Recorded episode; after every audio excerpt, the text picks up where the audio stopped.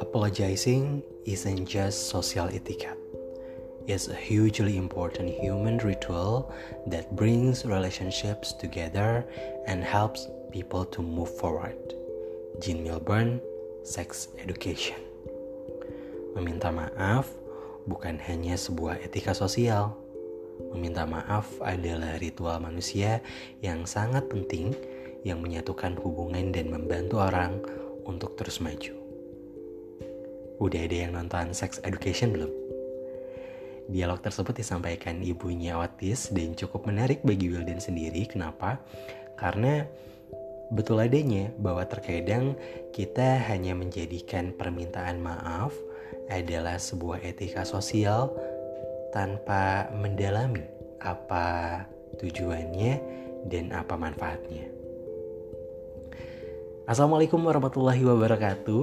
Apa kabarnya? Ketemuan lagi sama Wilden dan senang sekali uh, podium podcast ini untuk umum sudah masuk ke episode 2 dan Wilden pengen mengucapkan terima kasih untuk semuanya uh, yang sudah mendengarkan podium uh, yang sudah memberikan feedback uh, positif juga karena dengan kalian mendengarkan uh, podcast ini pun sudah cukup menyenangkan bagi Wildan pribadi sudah memberikan energi positif juga bagi Wildan pribadi.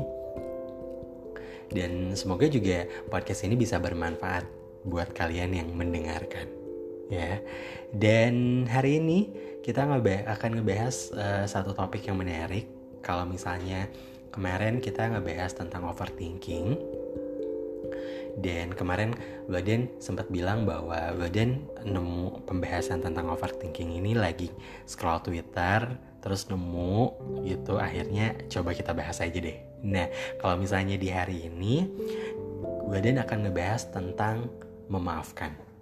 Sesuai dengan di openingnya tadi Baden mengambil salah satu kutipan tentang memaafkan yang didapat dari dialog di uh, Sex Education karena itu cukup menarik perhatian Wilden.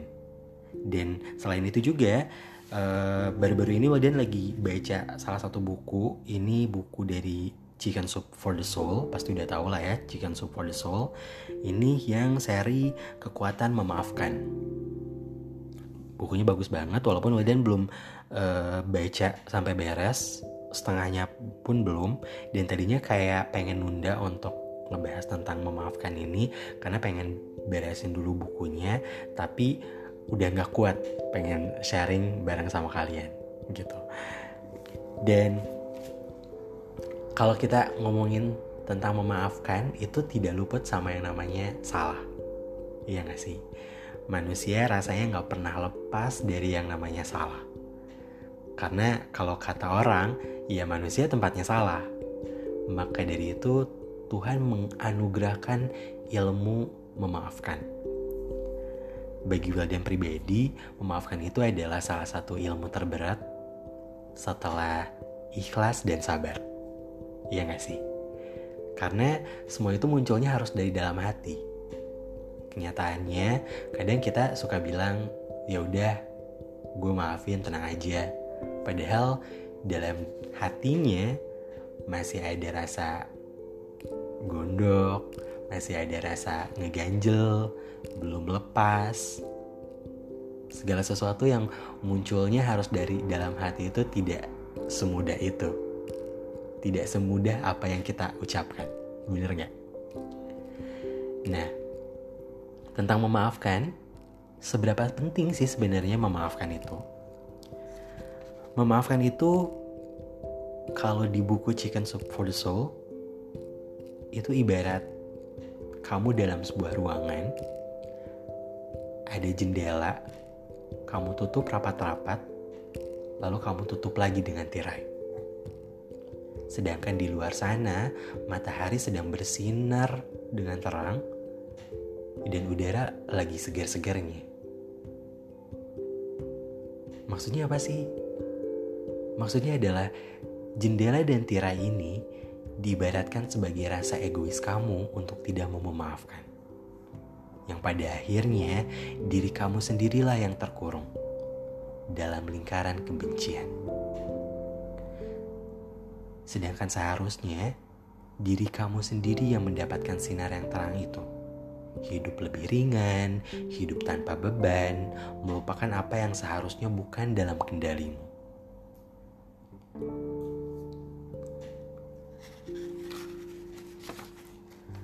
Memaafkan tidak selalu mudah.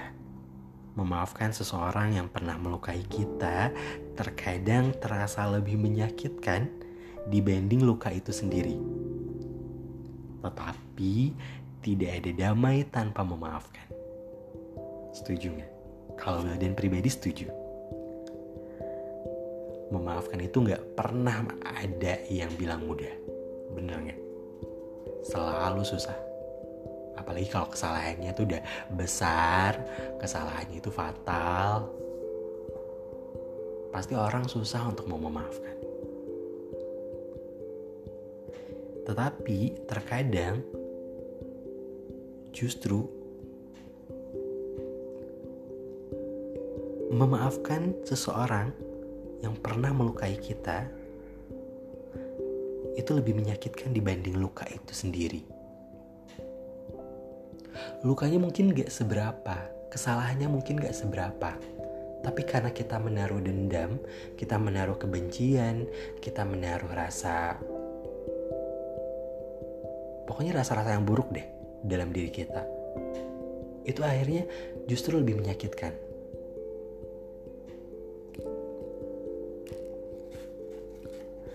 Karena kenapa? Karena memaafkan itu seperti membebaskan seorang tawanan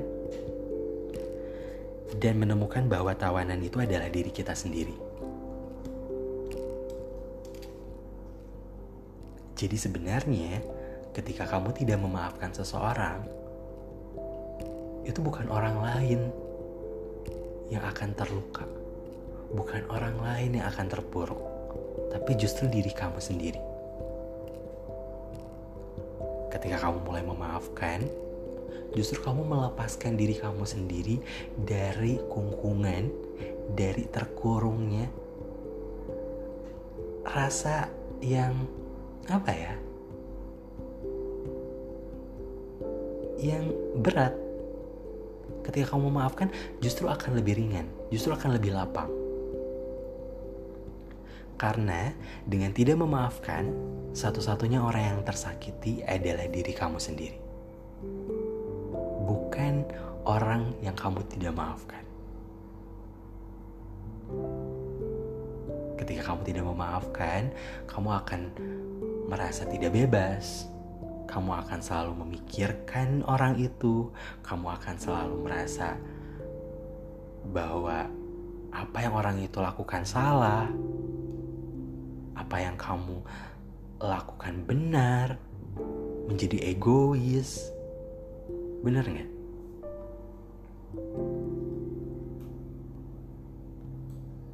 Bagaimana kita tahu bahwa kita telah memaafkan seseorang? Padahal seperti yang Badan bilang tadi, terkadang di ucapan kita gampang aja gitu untuk bilang, ya udah gue maafin, tenang aja. Padahal dalam hatinya masih kayak ada apaan sih males banget.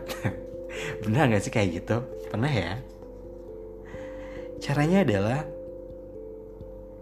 jika kamu cenderung merasa sedih saat mengingat kejadian itu dan justru kamu tidak marah berarti kamu sudah memaafkan. Jika kamu cenderung lebih kasihan kepada seseorang itu dan bukan marah, itu artinya kamu sudah memaafkan.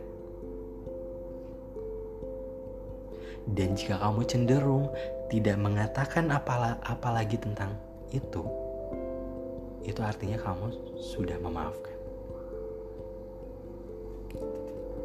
Ketika kamu sudah tidak merasa marah, ketika kamu sudah tidak mau mengungkit-ungkit itu lagi, membicarakan tentang itu-itu lagi, berarti artinya kamu sudah mulai memaafkan.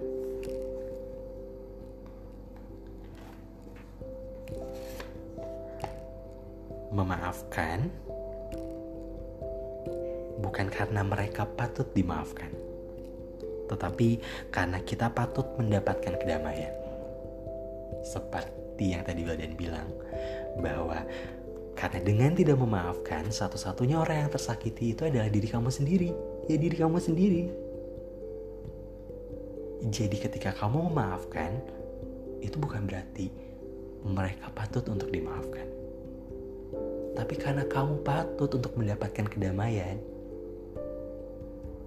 memaafkan itu bukan tentang orang lain. Memaafkan itu justru tentang diri kamu sendiri. Mungkin ini yang lepas dari pemahaman kita. Kalau mungkin sebelumnya kita memahami bahwa memaafkan itu tentang orang lain, padahal memaafkan itu tentang diri kita sendiri, demi kebaikan diri kita sendiri.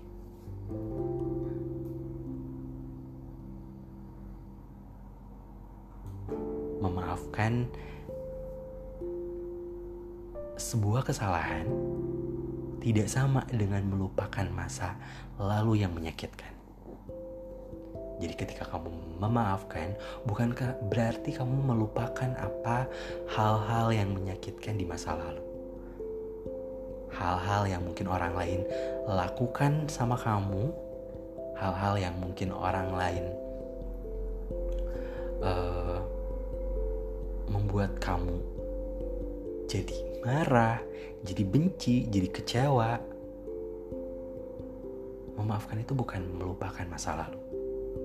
Tapi memaafkan adalah cara untuk merubah pandangan, membuka jalan, menerima hal yang telah berlalu, dan mengobati diri kamu sendiri.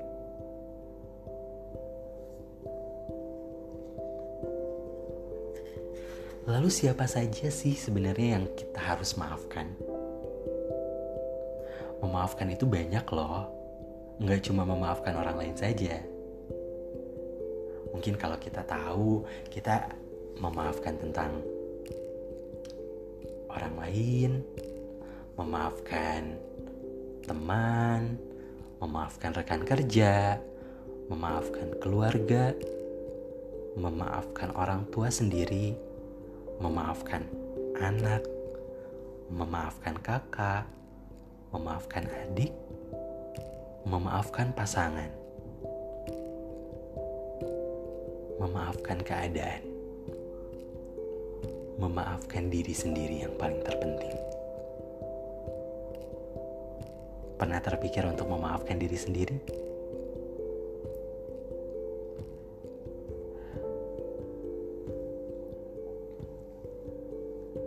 Justru memaafkan orang lain itu lebih mudah daripada memaafkan diri sendiri. Nanti kita akan bahas tentang memaafkan orang lain dan memaafkan diri sendiri. Tapi sebelumnya Wildan pengen sharing juga bahwa Wildan pernah mengalami hal tentang memaafkan juga. Memaafkan keadaan dalam diri Wildan dalam keadaan dalam lingkup Wilden dan itu tidak mudah dan bahkan itu membutuhkan waktu panjang. Wilden pribadi pernah memaafkan sebuah keadaan di mana Wilden membutuhkan mungkin lebih dari 10 tahun untuk bisa memaafkan itu. Sekali lagi, karena memaafkan itu butuh proses Memaafkan itu menerima. Memaafkan itu membuka jalan. Dan semuanya itu tidak mudah. Tidak seperti membalikan telapak tangan. Banyak step-step yang harus kita lewati, banyak hal-hal yang harus kita lewati. Harus ada hati yang kita tata untuk bagaimana bisa kita memaafkan itu. Jadi, kalau misalnya kamu sekarang lagi marah sama seseorang, lagi benci sama seseorang, lagi gak suka sama seseorang, coba. Ditata dulu hatinya. Diperbaiki dulu hatinya. Lalu coba kamu pikirkan diri kamu sendiri. Jangan pikirkan orang yang kamu benci. Bukan orang jangan pikirkan kamu orang yang membuat kesalahan terhadap diri kamu. Tapi pikirkan diri kamu sendiri.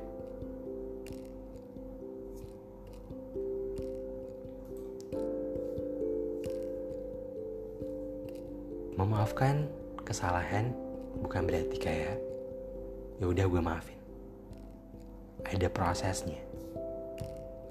Gak apa-apa prosesnya lama yang penting kamu ada tujuan untuk memaafkan ke arah sana. Jadi mulai hari ini coba mulai coba mulai untuk bisa memaafkan entah itu memaafkan orang lain memaafkan keadaan dan memaafkan diri sendiri.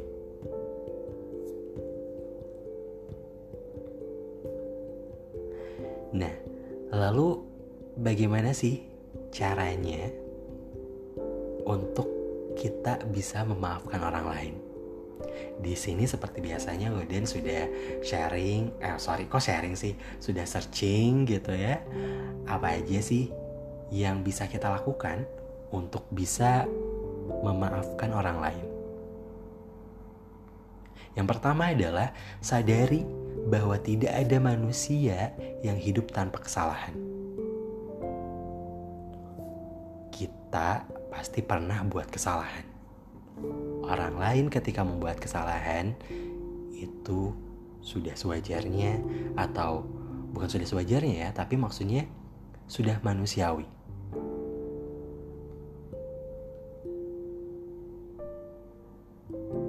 Jadi sadari tidak ada manusia hidup tanpa kesalahan karena diri kita sendiri saja pun pasti pernah membuat kesalahan. Yang kedua adalah menyimpan amarah dan dendam membuatmu tertekan sepanjang hidup. Tadi kan, balik lagi itu sama diri kita sendiri ketika kamu merasa dendam, ketika kamu merasa marah, benci, justru negatif itu ada dalam diri kamu. Hal-hal negatif itu ada dalam diri kamu. Sesuatu hal negatif, energi yang negatif ada dalam diri kamu, ya berimbasnya pada diri kamu sendiri. Bukan sama orang yang membuat kesalahan itu,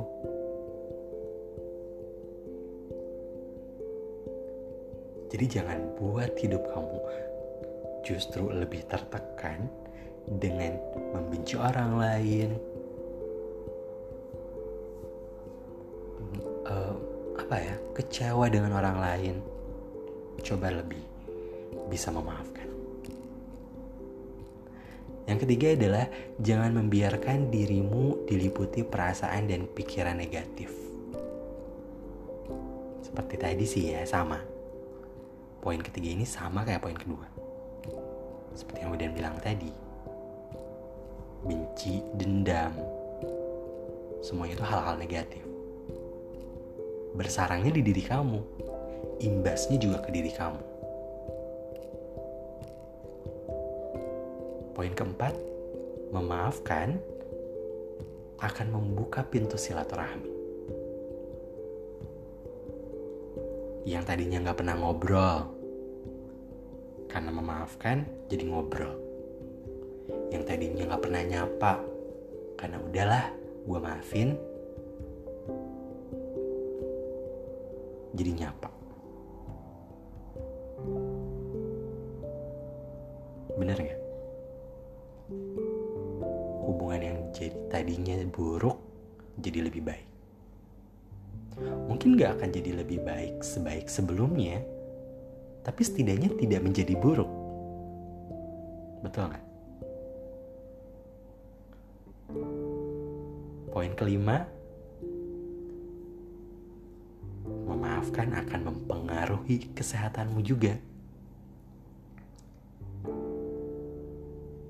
Dengan kamu memaafkan, kamu akan lebih ikhlas, kamu akan lebih bahagia, kamu akan lebih lapang, kamu akan tidak terbebani dengan hal-hal yang negatif. Otomatis kesehatan kamu juga akan lebih baik. Lalu poin terakhir adalah kamu tahu arti bahagia tanpa saling menyakiti.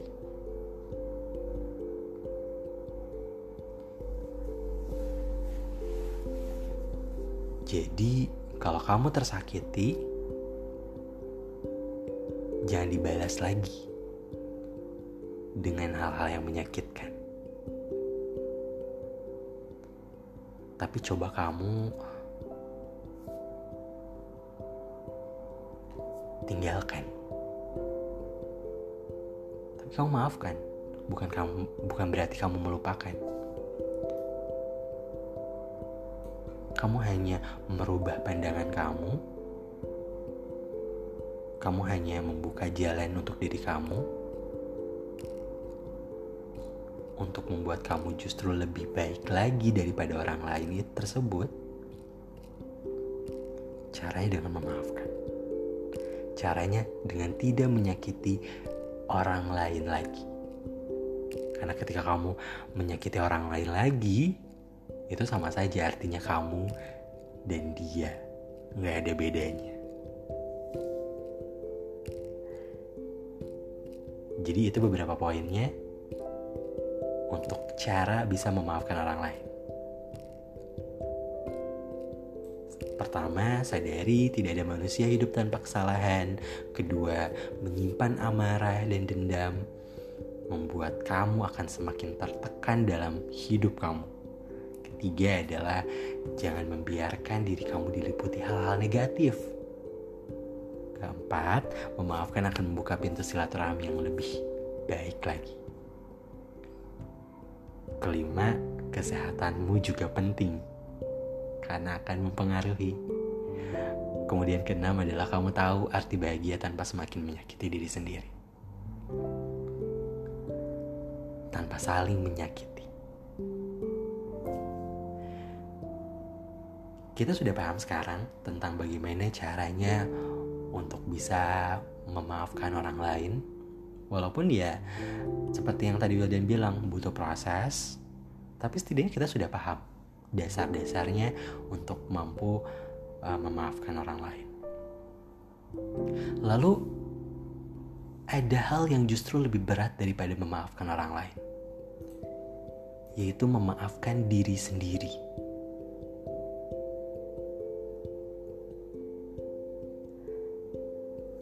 semua orang pasti melakukan kesalahan. Entah itu kesalahan dengan orang lain, yang melibatkan orang lain, atau kesalahan yang dilakukan secara individual. Biasanya, kesalahan yang dilakukan secara individual tersebutlah yang biasanya kita marah sama diri kita sendiri, biasanya kita benci sama diri kita sendiri, kita kecewa sama diri kita sendiri. Dan terkadang justru kita lebih sulit untuk bisa memaafkan diri kita sendiri. Padahal memaafkan diri sendiri merupakan hal yang lebih penting dibandingkan memaafkan orang lain. Karena kenapa? Karena tadi memaafkan orang lain saja itu ruginya di diri kamu. Apalagi tidak memaafkan diri kamu sendiri. Double, bener nggak? Jadi double ruginya.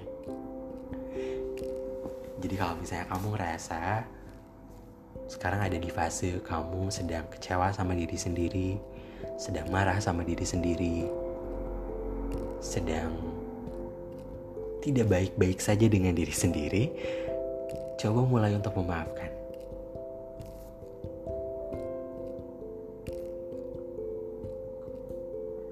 Kalau tadi Wildan udah kasih informasi tentang bagaimana sih cara untuk bisa memaafkan orang lain, Wildan juga akan kasih tahu tentang bagaimana untuk bisa memaafkan diri sendiri. Yang pertama adalah kamu harus menerapkan semua oke. Okay. Semua baik-baik saja. Semua oke. Okay. Semua baik-baik saja. Melanjutkan hidup setelah mengalami kegagalan tentu tak bisa dicapai dalam semalam. Bener kan? Dibutuhkan langkah-langkah kecil. Move on tuh nggak nggak semudah membalikan telapak tangan.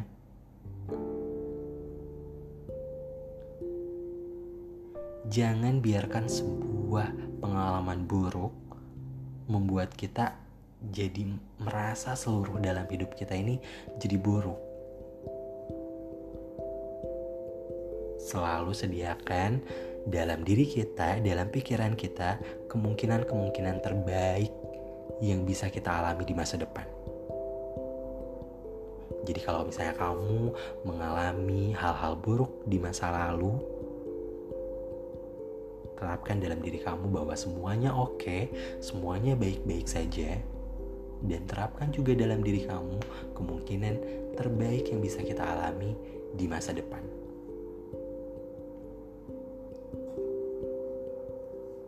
Kedua, tak ada kesuksesan tanpa kegagalan. Ini kayak baru kemarin Waden uh, nonton salah satu youtuber gitu. Uh, dia berkunjung ke salah satu apa public uh, bukan public figure sih kayak pengusaha gitu sukses. Terus si pengusaha bilang ini kalau mau sukses ya harus gagal. Kalau nggak gagal dulu nggak mungkin sukses. Jadi kegagalan itu bagian dari kesuksesan. Semua orang yang sukses nggak pernah melewati yang namanya kegagalan jadi kalau misalnya kamu hari ini gagal, coba lagi. Gagal, coba lagi, jangan menyerah. Karena pasti ada waktunya semua itu akan berhasil. Kegagalan juga bisa jadi pembelajaran buat diri kamu sendiri. Yang ketiga adalah berpikir positif pikiran yang positif akan mengundang hasil positif juga. Jadi kalau misalnya kamu sedang marah sama diri kamu sendiri, sedang kecewa sama diri kamu sendiri, coba hilangkan pikiran-pikiran negatif, tumbuhkan pikiran-pikiran positif. Karena dengan pikiran yang positif justru akan muncul, akan menghasilkan hal-hal yang positif juga.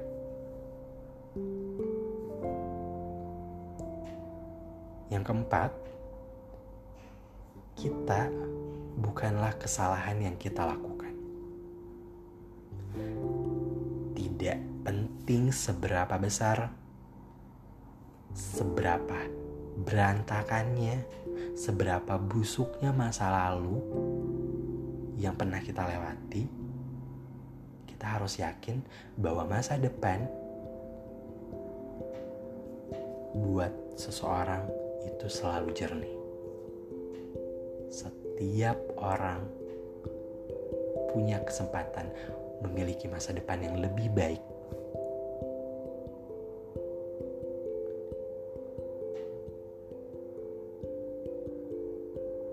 Jadi, kesalahan yang kita lakukan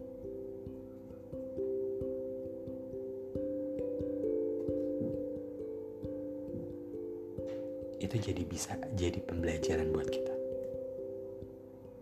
dan bukan jadi penghalang untuk masa depan kita.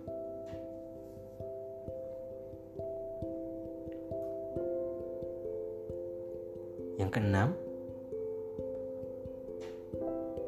adalah pelajaran terbaik hidup dipelajari di waktu tak terduga.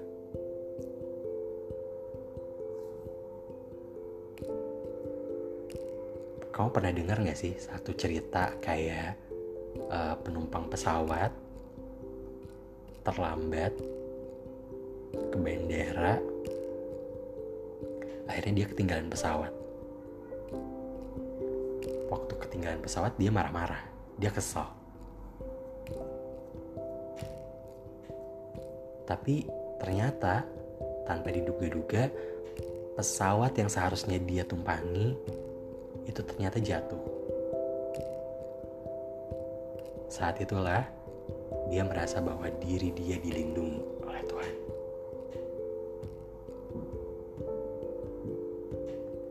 Jadi, terkadang pembelajaran hidup itu didapat dari hal-hal yang tidak terduga.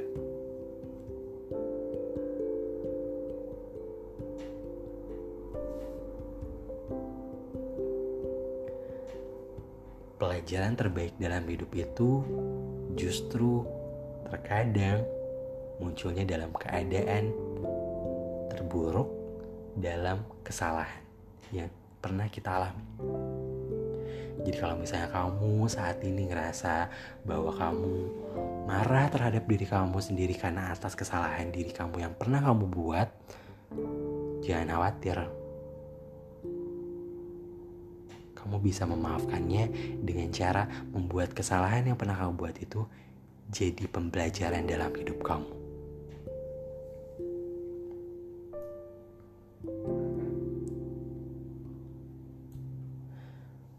Yang selanjutnya adalah tak mendapat apa yang kita inginkan bisa jadi adalah berkah.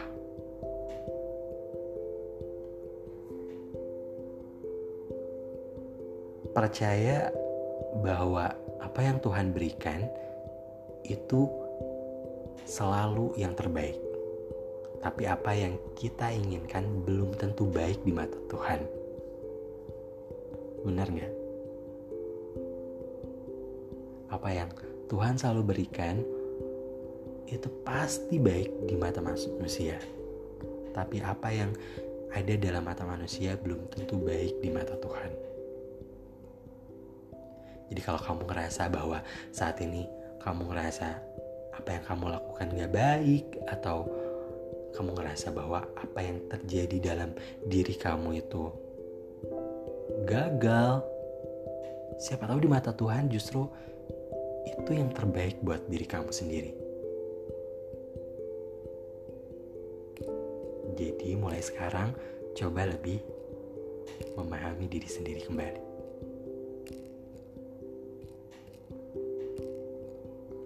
Yang terakhir adalah setiap orang adalah pencipta kebahagiaannya sendiri. Orang bahagia bukan karena orang lain, Orang bahagia bukan karena sesuatu.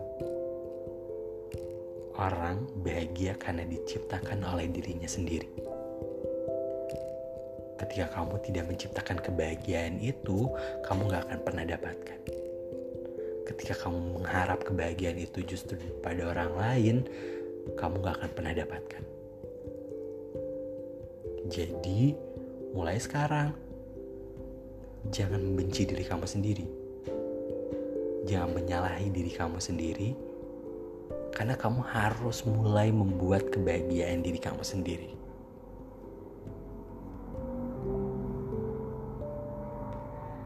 Semoga dengan apa yang udah sampaikan bisa membuka uh, apa ya pemahaman kita. Terutama sebenarnya sih kalau uh, ini tuh bagi Wildan pribadi sih karena uh, apa yang Wildan sampaikan hari ini apa yang Wildan sampaikan saat ini gitu itu mungkin banyak hal-hal yang belum Wildan terapkan juga dalam diri Wildan jadi kita coba terapkan sama-sama bareng-bareng untuk bisa memaafkan orang lain, diri sendiri, keadaan, semuanya. Karena tujuannya adalah untuk diri kita sendiri, bukan untuk orang lain. Jadi mulai sekarang coba untuk kalau misalnya mau memaafkan orang lain itu bukan cuma sekedar sopan santun atau etika sosial tapi ternyata ada manfaatnya juga. Ternyata ada tujuannya juga untuk memaafkan orang lain itu. Ya diri kita sendiri. Cukup lumayan durasinya sudah cukup lumayan lama. Ini sudah hampir 35 menit. Tidak terasa ya. Semoga uh, apa yang Wildan sampaikan semoga apa yang uh, hari ini kita bahas jadi renungan juga. Jadi kayak uh, apa ya? Ya Wildan bilang tadi uh, prosesnya mungkin butuh panjang tapi setidaknya kita sudah mulai tahu dasar-dasarnya ya kayaknya cukup kita akhirnya saja di di episode 2 ini tentang memaafkan. Dan uh, apa ya namanya? Semoga kalian bisa mendapatkan banyak hal dan juga tidak bosan untuk mendengarkan podcast ini. Karena podcast ini untuk umum podium. Dan kita akan ketemu lagi di episode selanjutnya. Uh, sambil Widen akan cari uh, cari lagi ya. Tadinya tuh sebenarnya podcast ini tuh pengennya tuh kayak satu minggu sekali rilisnya. Tapi uh, karena ada kendala lah terus juga stuck di uh, ide gitu kadang-kadang gitu ya. Jadi eh, nggak uh, bisa ditentuin nih rilisnya apakah bisa seminggu sekali. Tapi mudah-mudahan sih bisa ya. Kita usahakan. Um, terima kasih buat kamu semuanya yang sudah mendengarkan Wilden uh, selama setengah jam ini Terima kasih juga uh, buat kamu sudah mendukung podium podcast ini untuk umum. Uh, jangan ragu, jangan sungkan kalau mau ngasih saran, kritik segala macem. Banyak juga kemarin teman-teman yang pengen eh bahas ini dong bahas ini bahas ini bahas ini nanti kita satu-satu ya dan nanti juga Golden kayaknya ada rencana buat ngebahas uh, satu topik tuh barengan sama uh, narasumber gitu atau uh, temen gitu karena kayaknya lebih seru aja kalau misalnya kita ngebahas ada narasumbernya ada temennya gitu daripada sendiri kan? Uh, apalagi kalau temennya udah berpengalaman gitu misalnya. Nanti kita akan coba atur-atur lagi lah ya. Kalau gitu Wildannya pamit. Terima kasih. Bahagia selalu sehat selalu. Jangan lupa memaafkan karena diri kamu yang terpenting. Dan ya udahlah itu aja. Kalau gitu Sampai jumpa. Assalamualaikum warahmatullahi wabarakatuh.